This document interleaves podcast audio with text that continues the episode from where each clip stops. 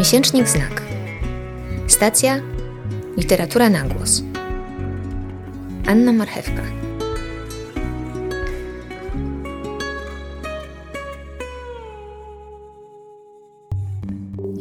Czy przeszłość może służyć za kryjówkę przed teraźniejszością?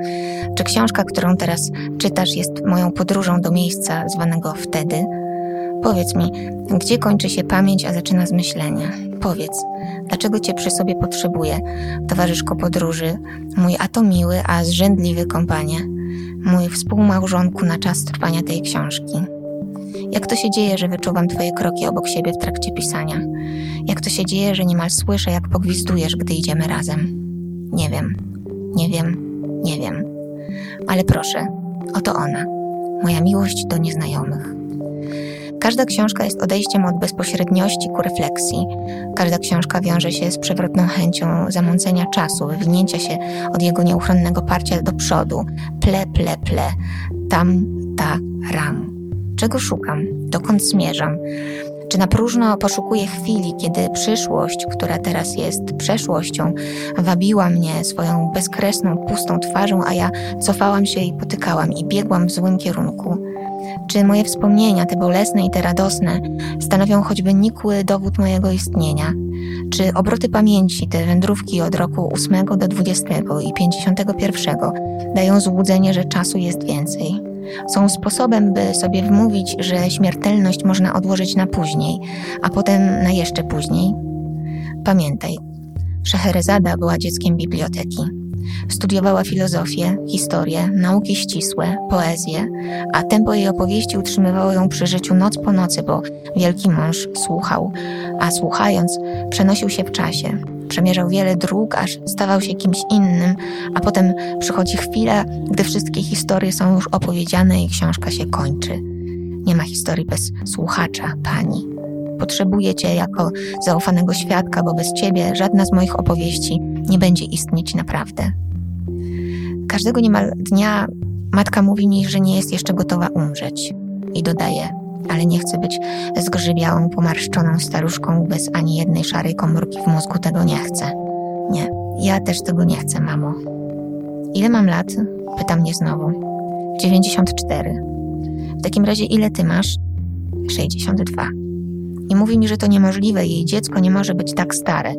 Mówi, że byłam prześlicznym niemowlęciem, a ona zawsze była zdania, że niemowlęctwo trwa zbyt krótko. Jak wspaniały był ten czas w naszym życiu, moim i Kari, a potem, jak gdyby korygując tę idealizację, matka wspomina mój atak drgawek, kiedy miałam rok, nerwowy telefon do mojego ojca, rozpacz, dudnienie, tylko nie w piersi, ale i w głowie. Moje ciało przyciśnięte do niej, kiedy czuła, jak jej dziecko dygocze. Zanim jednak pojawił się ojciec, kryzys minął. Dzięki Bogu, mówi teraz, dzięki Bogu. Jakąż poczuła wtedy ulgę, ach, co za ulga. Ja wspominam, jak zgubiłam trzyletnią Freję w zoo w Central Parku.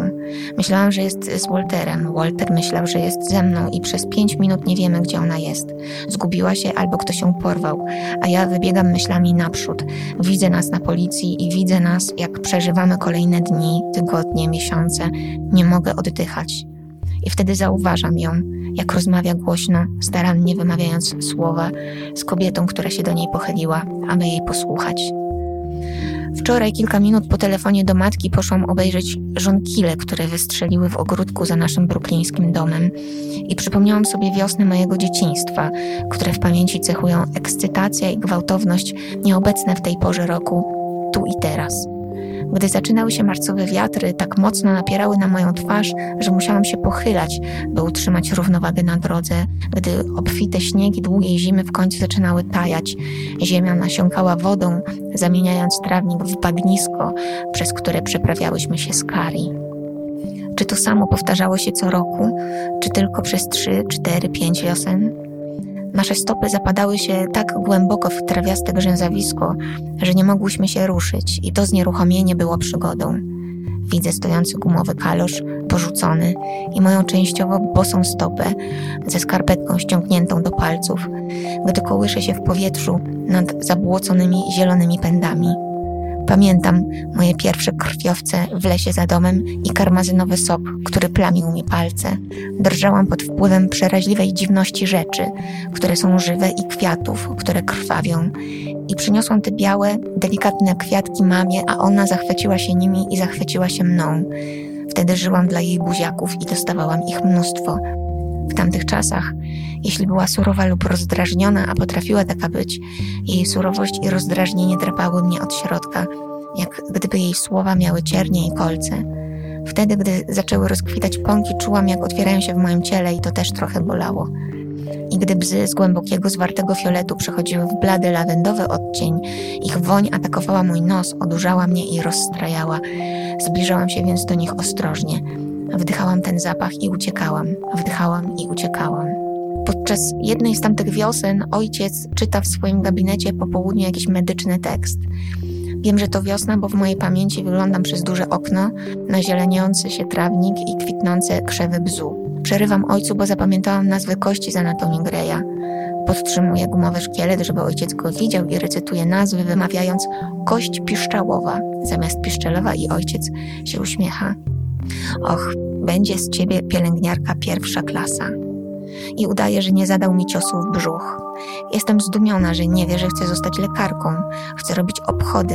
Chcę wyciągać długie kawałki wołowiny z ust omdlałych kobiet i nastawiać kości piszczałowe wiejskim chłopcom spadającym ze strychów na siano. Chcę nosić czarną torbę, Chcę poklepywać starszych mężczyzn po plecach i uspokajać, że ciśnienie w normie. Chcę kręcić głową nad ciałami tych, których nie zdołałam uratować. Chcę mieć własną panią Stydnicki w gabinecie, żeby na mnie spoglądała i mówiła: Tak, doktor H. Nie, doktor H. Chcę być bohaterem. Nie jestem bohaterem. Jestem dziewczyną i czuję gorycz. Tylko, że wtedy nie potrafiłam przełożyć goryczy na słowa, chociaż wciąż widzę te bzy za oknem, kwiaty mojej porażki. I czy to wtedy, czy wcześniej, a może później zaczęło we mnie rosnąć maleńkie gorzkie ziarno? Nikt mi nie odbierze nazw kości, mięśni, konstelacji na niebie. Nikt mi nie powie, że moje opanowanie wiedzy nie jest tak naprawdę żadnym opanowaniem wiedzy, tylko dziewczęcą zabawą, niczym poważnym, bo to bawi się mała dziewczynka. Ojcze, przeczytałam o wiele więcej niż ty. Będę czytać i czytać, aż przeczytam wszystkie książki w Twoim gabinecie i wszystkie książki ze szkolnej biblioteki i wszystkie książki ze wszystkich bibliotek na całym świecie i urosnę tak wielka, że będę olbrzymką na ziemi. To nieszczęśliwe dziecko stojące w pokoju ze szkieletem, skazane na karierę pielęgniarki, nie mogło tego powiedzieć, nie mogło tego wymyślić, bo słowa były niewysłowione, a myśli nie do pomyślenia. Dziecko nie wiedziało, że jest heretykiem, czuło jednak pieczenie brzydkich, heretyckich emocji. Pochłaniała historię o niesprawiedliwości z determinacją i zapałem, które bez wątpienia były jakimś znakiem, ale żadne z jej rodziców niczego nie zauważało, a jeśli zauważyli, nie mówili o tym i oczywiście kto by tam doszedł, co roi się w głowie dziecka. Przeczytała dziennik Anne Frank, przeszła w swojej głowie na judaizm i próbowała sobie wyobrazić cierpienie, o którym Anne nie pisze. I chyba mniej więcej w tym czasie obejrzała film pod tytułem Hand in Hand o katolickim chłopcu i żydowskiej dziewczynce. Niewiele pamiętam z fabuły, ale ją, SH, tak bardzo wzruszyło piękno tej przyjaźni i okrucieństwo świata, że wyszła ze specjalnego pokazu w Domu Kultury na miękkich nogach, prawie nie mogąc złapać tchu. Przeczytała wszystkie książki o abolicjonistach, które wpadły jej w ręce, nawet gdy były dla niej za trudne. Przez miesiąc nosiła ze sobą autobiografię Bookera T. Washingtona, Up from Slavery. Przeczytała ją, ale tak naprawdę nie zrozumiała. Wciąż pamiętam długie wywody na temat wyższych szkół technicznych. Frederick Douglass był za trudny. Cóż ten wielki mąż właściwie twierdził? Odkryła w szkolnej bibliotece książkę N. Petry o Harriet Tubman, która jako konduktorka tzw. Tak kolei podziemnej pomagała niewolnikom w ucieczce na północ z okładką, na której piękna Harriet w nieskazitelnej białej sukience dzierży strzelbę. Pamiętam tę okładkę, pamiętam tę strzelbę. Przeczytała książkę trzy razy i fantazjowała o tym, że jest Harriet Tubman, majestatyczną w swej prawości, gdy prowadzi niewolników tam, gdzie będą wolni. Ta dziwna dziewczyna to niepoliczone rzesze. Była Janną Dark na białym rumaku. Była Florence Nightingale podczas wojny krymskiej z dłońmi zanurzonymi głęboko w ranach brzusznych, zakrwawiona po łokcie i była Davidem Copperfieldem upokorzonym i skrzywdzonym przez pana Murdstone'a. Była przerażoną Jane Eyre w czerwonym pokoju i była Dantesem, głodzącym się w rozpaczy, gotowym umrzeć w więzieniu, pozbawionym nadziei, zapomnianym i samotnym, aż docierają do niego jakieś dźwięki, odgłosy odrodzenia kopania, odgłosy kopania. Widziała zakrwawioną panią Malaczek niedługo przed tym, gdy tempo, w jakim czytała, przerodziło się w obsesję. Nic dziwnego, że krew pani Malaczek płynęła z ciał konających żołnierzy i umierających niewolników, o których czytała, chociaż ta krew należała również do niej. Była nieszczęsną dziewczyną, której godność i człowieczeństwo zostały pogwałcone. Raz za razem ponosiła szlachetną śmierć, walcząc o sprawę, w trawiastym wąwozie, na brudnej żołnierskiej pryczy, w łożu boleści w białej, wyprasowanej pościeli. Bywała chłopcem i dziewczyną, bywała kobietą i mężczyzną, bywała młodym żołnierzem, który skonał z potworną raną ciętą w boku lub z urwaną w eksplozji nogą. Bywała palona na stosie jako heretyczka, biedna Joanna, zamieniona w popiół, albo umierała na suchoty, blada i piękna, z rumianymi plamami na policzkach. A gdy już umarła, po kraju rozchodziły się opowieści o jej dobroci i wspaniałomyślności. Łatwo jest wyśmiewać dawną siebie, potępiać tę białą dziewczynkę z białego miasteczka na dawnej prerii i jej groteskowe fantazje o niesprawiedliwym cierpieniu. Ach, szczęśliwa rana. Cóż ona mogła wiedzieć? I jeszcze łatwiej jest zaśmiewać się do łez na naszej zbiorowej twarzy z opowiadań i wierszy o skrzywdzonych sierotach, głodujących dziewczynkach i odważnych niewolnikach, które pisała w tajemnicy. Teraz jestem wobec niej bardziej wyrozumiała niż byłam kiedyś. Cervantes jest przecież na końcu wyrozumiały wobec swojego nieszczęsnego rycerza, prawda? Płakałam, gdy umierał. Tragiczna postać. Na koniec przytomnieje. Cervantes jest aż tak miłosierny, jak okrutny jest Flaubert. Francuz torturuje swoją bohaterkę, a potem rozcina ją z chłodną satysfakcją sadystycznego chirurga, który zatapia nóż w zwłokach kobiety i tnie od kości łonowej do klatki piersiowej, a świat bije brawo. Świat śpiewa. Ciekawa jestem, czy gdyby zamiast Emmy leżał tam Etienne, też by tak się wszyscy świetnie bawili. Lituję się nad dziecięcą mną, która ostatecznie jest tworem mojej wyobraźni i sama była obdarzona bujną wyobraźnią, tak jak inni pożeracze książek. Kołyszemy się do melodii innych, prawda? Stajemy się nimi, gdy nieruchomiejemy. Rozsiadamy w fotelach i zagłębiamy w ich życie. Ja jestem tobą, ty jesteś mną. I niektórzy z tych cudzoziemców postanawiają zostać, przypuszczalnie tak długo, jak się da. Niektórzy są spokojni, zorganizowani, inni głośni i prymitywni. Rozumiem teraz, że musiała pisać, musiała rozładować napięcie powstałe za sprawą bitwy książek w młodym ciele. I jeśli to, co wyszło spod jej gryzmolącej dłoni, było naiwną i romantyczną egzaltacją, nie jest to nic nowego. Właścicielka zeszytu Mid, matka Ajana i Izadory, pisała przez większość swojego młodego życia. Baz grała i rysowała w tych terminarzach, brulionach i na przechowywanych w kopertach, strzępach kartek. Opowieść o tej książce, czyli o wspomnieniach przeszłości Syrii Hustwet, po polsku ukazała się mm, w przykładzie Jerzego Kozłowskiego. Można rozpoczynać na wiele sposobów. Kolejna powieść jednej z najwybitniejszych współczesnych autorek nie zawodzi. Złożona, wielowątkowa, bogata, awanturnicza. Na początku i dla porządku przypomnę, że cały powieściowy dorobek Hustwet można czytać po polsku, czyli na oślep w przykładzie Krzysztofa Obłuckiego, Oczarowanie Lili Dal w przykładzie Magdaleny Słysz, Co kochałem w przykładzie Renaty Gorczyńskiej, Amerykańskie smutki w przykładzie Wojsława Brydaka, Lato bez mężczyzn w przykładzie Janny Chryńskiej i Świat w płomieniach w przykładzie Jerzego Kozłowskiego. Na mm, przykłady esejów y, jeszcze czekamy, ale ten dostępny zestaw, imponujący przecież, mm, powieści daje wyraźny obraz możliwości artystycznych pisarki przeczytany, wybrany i przeczytany na początku fragment e, siódmego rozdziału e, Wspomnień przyszłości Mm, brzmi dość tradycyjnie, ale osoby spragnione wyzwań od razu uspokajam. Znajdą w najnowszej powieści Hustwet sporo przyjemności. Ten obszerny fragment pomocny jest też w nakreśleniu tematycznego planu tej rozbrykanej książki. Wspomnienia przyszłości, tę brawurową, dojrzałą powieść można określić mianem portretu artystki z czasów młodości. Odwołanie do słynnego dzieła Jamesa Joyce'a e, przychodzi jako pierwsze, nic w tym dziwnego. Ale nie jest to jedyne mocne odniesienie kanoniczne, jakie można tutaj znaleźć. Ważniejszym może jeszcze jest e, powieść Lorenza Sterna, Życie i myśli jaśnie wielmożnego pana Tristana Shandy ta klasyczna, wywrotowa próba autobiograficznej powieści, e, intelektualnej, rozgadanej, e, dygresyjnej awantury, stanowi ramę, do której Hustvedt się odnosi. Hustvedt też nie ukrywa, skąd czerpie inspirację, a nawet więcej, do jakich e, ram nawiązuje i do jakich ram chciałaby, byśmy pozaglądali i sami też z tymi ramami coś e, zrobili. Same też coś z tymi ramami zrobiły. Nie zaciera tropów, nie zaciera śladów swoich e, czytelniczych doświadczeń.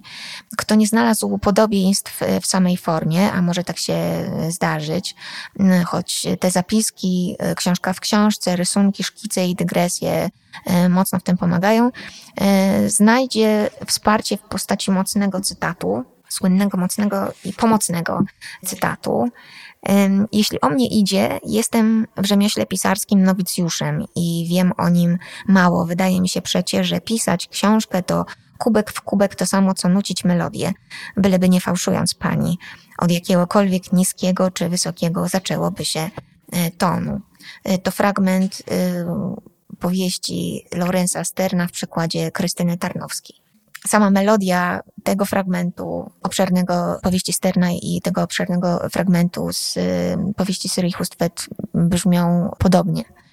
Udaje się Hustwet spełnić y, ten plan, plan, tę ambicję sternowską, by nie fałszować, by wygrywać melodię w oparciu o tradycyjne partytury, ale czynić to ze swobodą, odwagą i inwencją.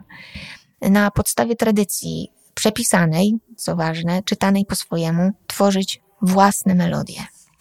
Są wspomnienia przyszłości, a jakże portretem artystki z czasów młodości, ale też, kto wie czy nie, przede wszystkim pieśnią ku czci czytelniczki, biblioteki, potęgi wyobraźni, która chronić ma zranionych i zranione, dotkniętych i dotknięte niesprawiedliwością. Tej wyobraźni, która może być schronieniem, ale i czasem narażać na niebezpieczeństwo, bo rozpędzona wyprowadza na manowce.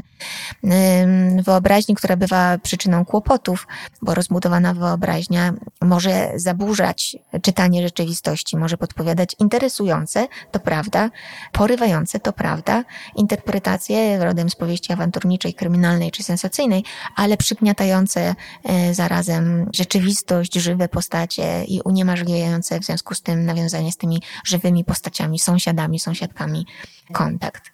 Może oderwać od świata zamiast do niego zbliżać, ale czasem trzeba się odsunąć, by przetrwać. Kwestia odległości może być kwestią życia i śmierci. Ten portret czytelniczki z czasów młodości e, wybrzmiał, myślę, mocno w przytoczonym, obszernym fragmencie.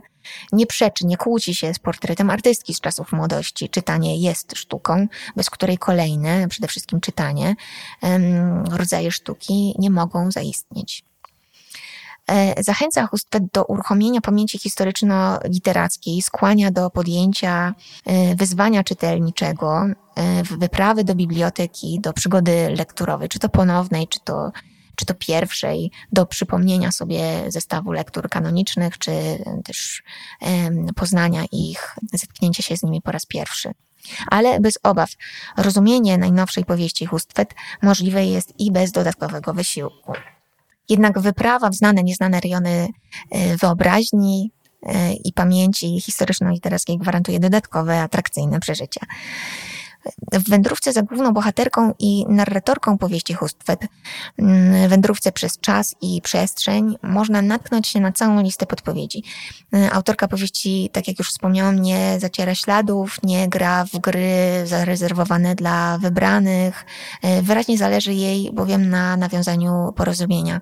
Nie szyfruje komunikatów, podaje źródła cytatów, w ogóle podaje cytaty, nie szyfruje ich tak, by, by stopić je z własną wypowiedzią. Mm, nie przytłacza popisem wiedzy, która jest imponująca. Próbuje przez nią z nadzieją na sukces i myślę, że ten sukces został kolejny raz odniesiony, nawiązać z osobami czytającymi rozmowę. Stąd tyle w niej E, w tej powieści nazwisk, tytułów, cytatów, odniesień, by na tej podstawie zbudować można było wspólnotę czytających, rozumiejących ponad i poza fabułą, zdolnych do porozumienia w czasie i przestrzeni, e, oderwanej od e, tej konkretnej, dookreślonej opowieści, zdolnych do bycia teraz i wtedy jednocześnie, tutaj i tam, bez dodatkowego wysiłku, bez dodatkowego tłumaczenia, bez dodatkowych przypisów. Nie jest zatem najnowsza powieść Hustwet popisem, monologiem pobrzmiewającym próżnością. Jest raczej silnym wstępem do dialogu, koniecznego dialogu. Ta powieść o sile e, ta powieść, która zawiera opowieść o sile wyobraźni, o niekończącym się szczęśliwie dojrzewaniu, o utratach, o pamięci, o żałobie, o ranach, nie zawsze szczęśliwych, o miłości, nie tylko do literatury, o pisaniu, a w końcu o przyjaźni, jest również rodzajem e, manifestu, na podstawie którego można budować wspólnotę czytających, by za chwilę pójść dalej. Czytające osoby podobne są e, detektywom i detektywkom, stosują podobne techniki. Zaangażowane w czytanie porządne czytelniczki e, są w stanie odnaleźć wypchnięte na margines, czy nawet poza e, margines wypchnięte, poza pamięć zbiorową, jednostkową, poza kanon gigantki e, gigantki kultury nie tylko XX wieku, takie jak baronowa Elsa von Freytag Lorninghoven, jedna z istotnych bohaterek tej, tej powieści. Nieokiełznana baronowa, uosobienie awangardy, artystka, która była, jest przyszłością. Staje się opiekunką, matronką poszukującej młodej pisarki, czytelniczki rozkochanej w jej e, niegrzecznych wierszach. To określenie niegrzeczne pochodzi z powieści Hustwet. Tak określa je sama narratorka, główna bohaterka. Ukryta w, w archiwach przepastnej biblioteki twórczość poetycka cesarzowej awangardy wybrzmiewa w powieści Hustwet bez kiksów. Główna bohaterka, narratorka ma szczęście, determinację i odwagę, by te poszukiwania mm, podtrzymywać i by tę zaginioną superbohaterkę e, kultury mm, współczesnej odnaleźć. Po pierwszej lekturze wspomnień przyszłości nasuwa się pytanie o wątki autobiograficzne. Jak i o relacje z poprzednimi książkami Hustwet. Po pierwsze, mocno wybrzmiewa związek z debiutanckim e, na oślep. Powieść Hustwet zwodzi, wprowadza zamieszanie tak charakterystyczne dla twórczości autorek, posądzanych kiedyś o to, że są ledwo odtwórczyniami, e, że nie są w stanie zdobyć się na twórczość, że piszą tylko o swoim życiu. Platane w tekst takie pułapki, mikropułapki, jak ten inicjał SH. E, ten inicjał odsuwa zarówno do nazwiska autorki powieści, jak i do słynnego detektywa stworzonego przez Artura Conan Doyle'a, mogą, czy też mocno sugerują jakiś związek e, między tym światem przedstawionym w powieści, a światem, e, w którym funkcjonuje autorka powieści. Ale ale jest to nadal powieść. Gra chust z osobami czytającymi tej powieści, jak już wspomniałam, trzeba podkreślić, powieści, czerpiącej niewątpliwie z doświadczeń pokolenia, epoki, miasta, grupy społecznej, regionu. Możemy z tymi y, wątkami, możemy z tymi tropami zrobić to, co chcemy, to, co umiemy. Możemy wykorzystać je, do czego nam będą potrzebne. Naszym osób czytających jest zadaniem poradzić sobie z tymi odniesieniami. Podstawowa wiedza o biografii autorki to i owo przecież podpowiada. To nasze zadanie, by odebrać podrzuconą melodię, zrozumieć jej konstrukcję i podać dalej. Poręczna i przydatna jest rama powieści detektywistycznej. SH młoda, aspirująca pisarka, studentka między studiami, e, po zakończeniu studiów licencjackich, przed e, rozpoczęciem studiów magisterskich, po zakończonych studiach e, w Webster w stanie Minnesota, zdobyła stypendium na prestiżowym, to tutaj ważne, Uniwersytecie Nowojorskim. Po przeprowadzce na wyspę Manhattan rozumie, że ten rok, ten rok przerwy, na który zdecydowała się, jest jej szansą może jedyną w życiu, na głęboką przemianę wszystkiego, że w tym roku może narodzić się jako pisarka. Rozpoczyna więc wędrówki po mieście, rozpoczyna wędrówki po bibliotece, choć przeczytała tyle, co nikt inny w świecie nie przeczytał i pracuje, uparcie pracuje nad powieścią, szkicuje ją na wszelkie możliwe sposoby oraz czyni notatki z życia w nowym mieście, w nowym miejscu. Notatki prowadzi w w słynnym, miodnym notatniku. E, przeczytam jeszcze fragment rozdziału pierwszego, by wybrzmiała jeszcze inna linia tej powieści. Przed laty opuściłam rozległe, płaskie pola Minnesoty i udałam się na wyspę Manhattan, by odnaleźć bohatera mojej pierwszej powieści. Gdy przyjechałam tam w sierpniu 1978 roku, był nie tyle postacią, ile pulsującym zalążkiem, embrionalnym tworem mojej wyobraźni, wyczuwalnym jako seria metrycznych uderzeń, które przyspieszały lub zwalniały w takt moich kroków, gdy przemierzałam ulice miasta. Miałam chyba nadzieję odkryć w nim siebie, udowodnić, że on i ja jesteśmy godnymi historii, które się nam przydarzą. Nie szukałam w Nowym Jorku szczęścia ani wygodnego życia. Szukałam przygody i wiedziałam, że poszukiwacz przygód musi wycierpieć swoje, zanim po niezliczonych perypetiach na lądzie i morzu wróci do domu lub zostanie ostatecznie zdmuchnięty przez bogów. Nie wiedziałam wtedy tego, co wiem teraz, że w czasie, gdy ja pisałam, pisano też mnie. Moja książka zaczęła się na długo, zanim opuściłam równiny Minnesoty. W głowie miałam już nakreślone liczne szkice powieści kryminalnej. Nie znaczyło to jednak, że wiedziałam, co z niej ostatecznie powstanie. Mój nieuformowany bohater i ja zmierzaliśmy ku miejscu będącemu jedynie migotliwą fikcją, ku przyszłości. Czego tu nie ma? To wszystkie składowe starej, dobrej powieści awanturniczej, tak starej, że jeszcze nie była e, powieścią, bo tutaj są odniesienia nie tylko do powieści awanturniczej, ale i do Odysei. E, ta podróż w nieznane, tajemnicza wyspa, wyspa Manhattan i marzenie o tym, by ruszyć, by ruszyć całą naprzód. New York State of Mind. Piosenka Billy Joela powstała w 1976 roku, spokojnie więc może wybrzmieć w tle prologu przygód na wyspie Manhattan. E, w prologu, na początku, na początku powieści, e, najnowszej powieści Syrii Hustvedt. Ten nowojorski stan e, umysłu, oznacza rewolucję wyobraźni, rewolucję również zmysłową. Minnesota, bo taki przydomek otrzymuje narratorka, bohaterka powieści i aspirująca pisarka, szybko odnajduje swoich ludzi, a pierwszą z nich, może i najważniejszą, jest Whitney. Odważna, silna i zamożna dziewczyna. Spotykają się, a potem zaprzyjaźniają na całe życie dzięki poezji, dzięki e, spotkaniu autorskiemu Johna Ashbery'ego. Idą we wczesnej młodości, idą przez najbardziej miejskie miasto e, świata, idą razem, e, idą wspierając się, nie podkładają sobie nóg. To wszystko nasze, do schrupania, woła Whitney. I trudno nie poddać się sile tego entuzjazmu. Cały świat jest u ich stóp. Świat, czyli Nowy Jork, poezja, filozofia, sztuka, miłość ta pieśń na cześć przyjaźni między kobietami, nie tak znowu częsty temat w literaturze, nie tylko współczesnej, ma spore ambicje, by przedstawić rodzaj fresku, portretu tamtych czasów i współczesności. Interesująca i zaskakująca jest perspektywa Hustvedt analizującej podziały klasowe, społeczne i ekonomiczne, ba nawet kastowe e, w Stanach Zjednoczonych przełomu 1978 i 79 roku oraz z czasów pierwszych lat prezydentury Donalda Trumpa. Interesujące jest, że z perspektywy osoby tak czułej na wszelkie niegodziwości e, z otwierającego rozdział siódmy fragmentu jasno wynika, że to odpowiedź na własne poczucie własnej krzywdy, nie widać zbyt wiele z tej perspektywy.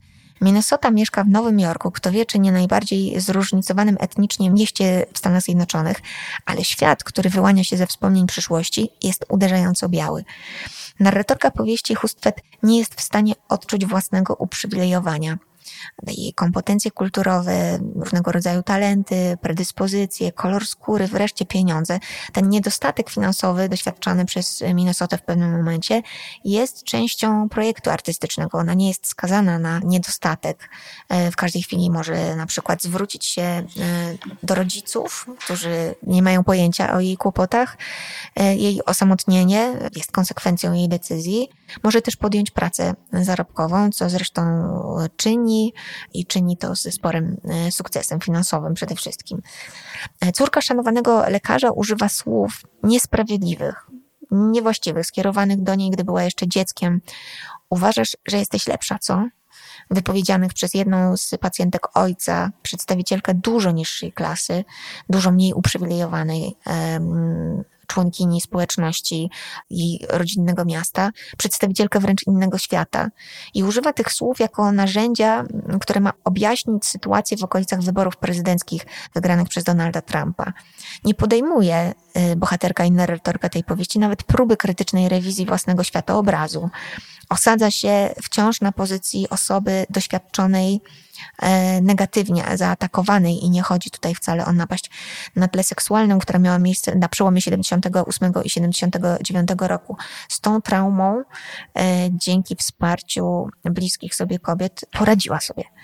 Jasne, że podziały są zniuansowane, zawsze znajdzie się ktoś zamożniejszy, całkiem sporo tych zamożnych osób można znaleźć w powieści Hustwet, nieproporcjonalnie e, lepiej do umiejętności sytuowanych, tak jak nowojorska celebrytka, pierwsza pracodawczyni Minnesoty, lepiej sytuowanych od y, utalentowanej y, Minnesoty, ale co ciekawe, może zgodnie z duchem kultury Stanów Zjednoczonych, utożsamia się narratorka, bohaterka ostatecznie z tymi lepszymi y, jej deklaracje czytelnicze rozmijają się zatem z życiową praktyką.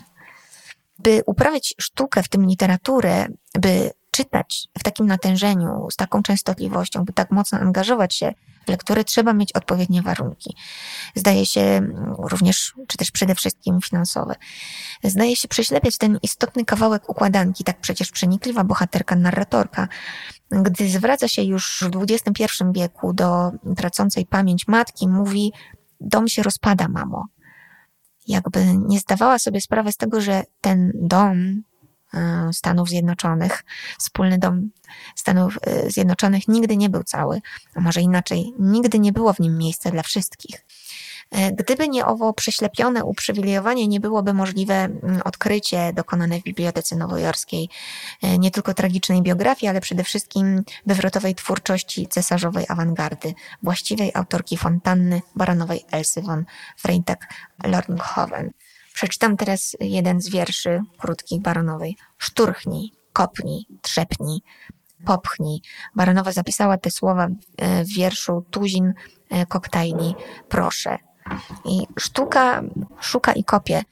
SH e, boksuje się ze światem, również e, literackim czy przede wszystkim e, literackim. Używa języków poezji, filozofii i sztuki jak kluczy do innych nieoczywistych światów. E, uspokaja się i wprowadza w trans, recytując, często w oryginale, najczęściej w oryginale, wiersze swoich ulubieńców, a przede wszystkim ulubienic. Oprócz Baronowej mówi z głowy, z ciała, wiersze Emily Dickinson, Barbary Guest, e, najmniej chyba znanej członkini szkoły nowojorskiej, tak ważnej nauczycielki pisania, to mocno wynika z, z wyznań Minnesoty.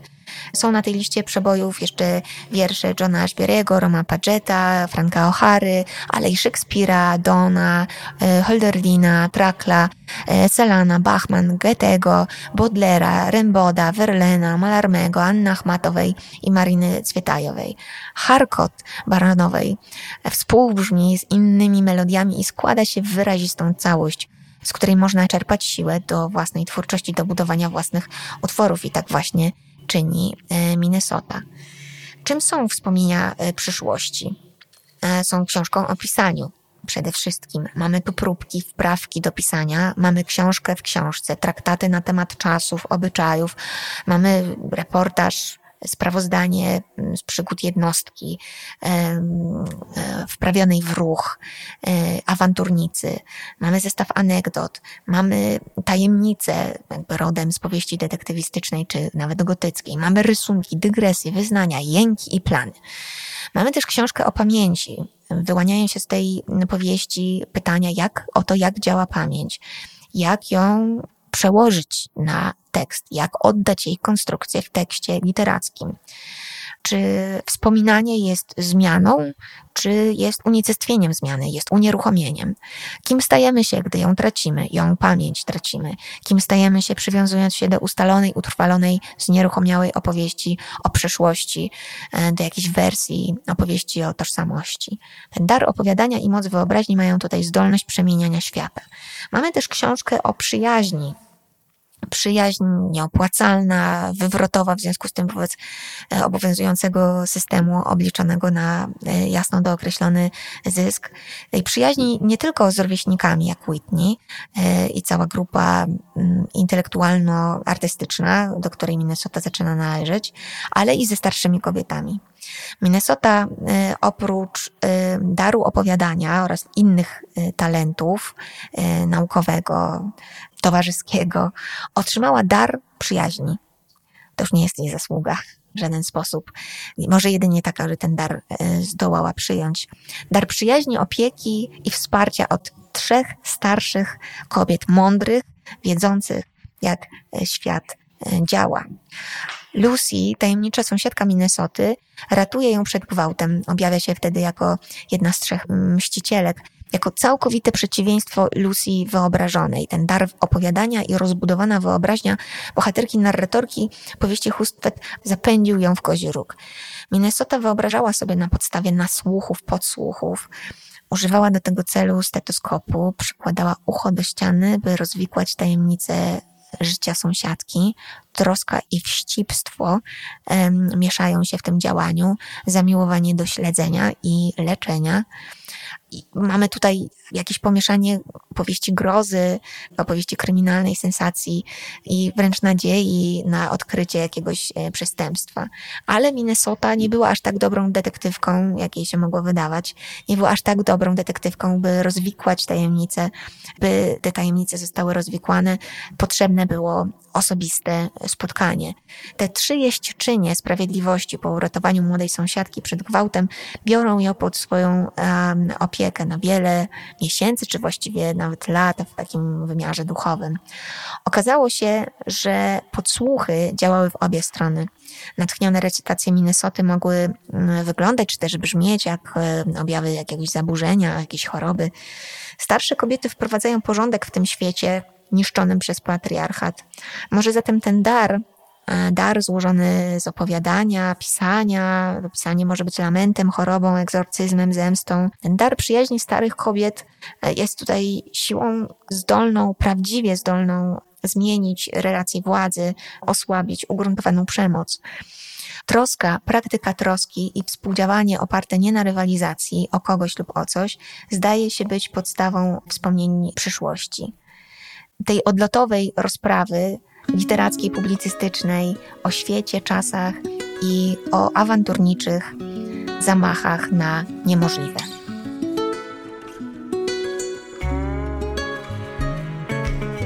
Dziękuję za uwagę. Więcej o literaturze przeczytacie na www.miesięcznikznak.com.pl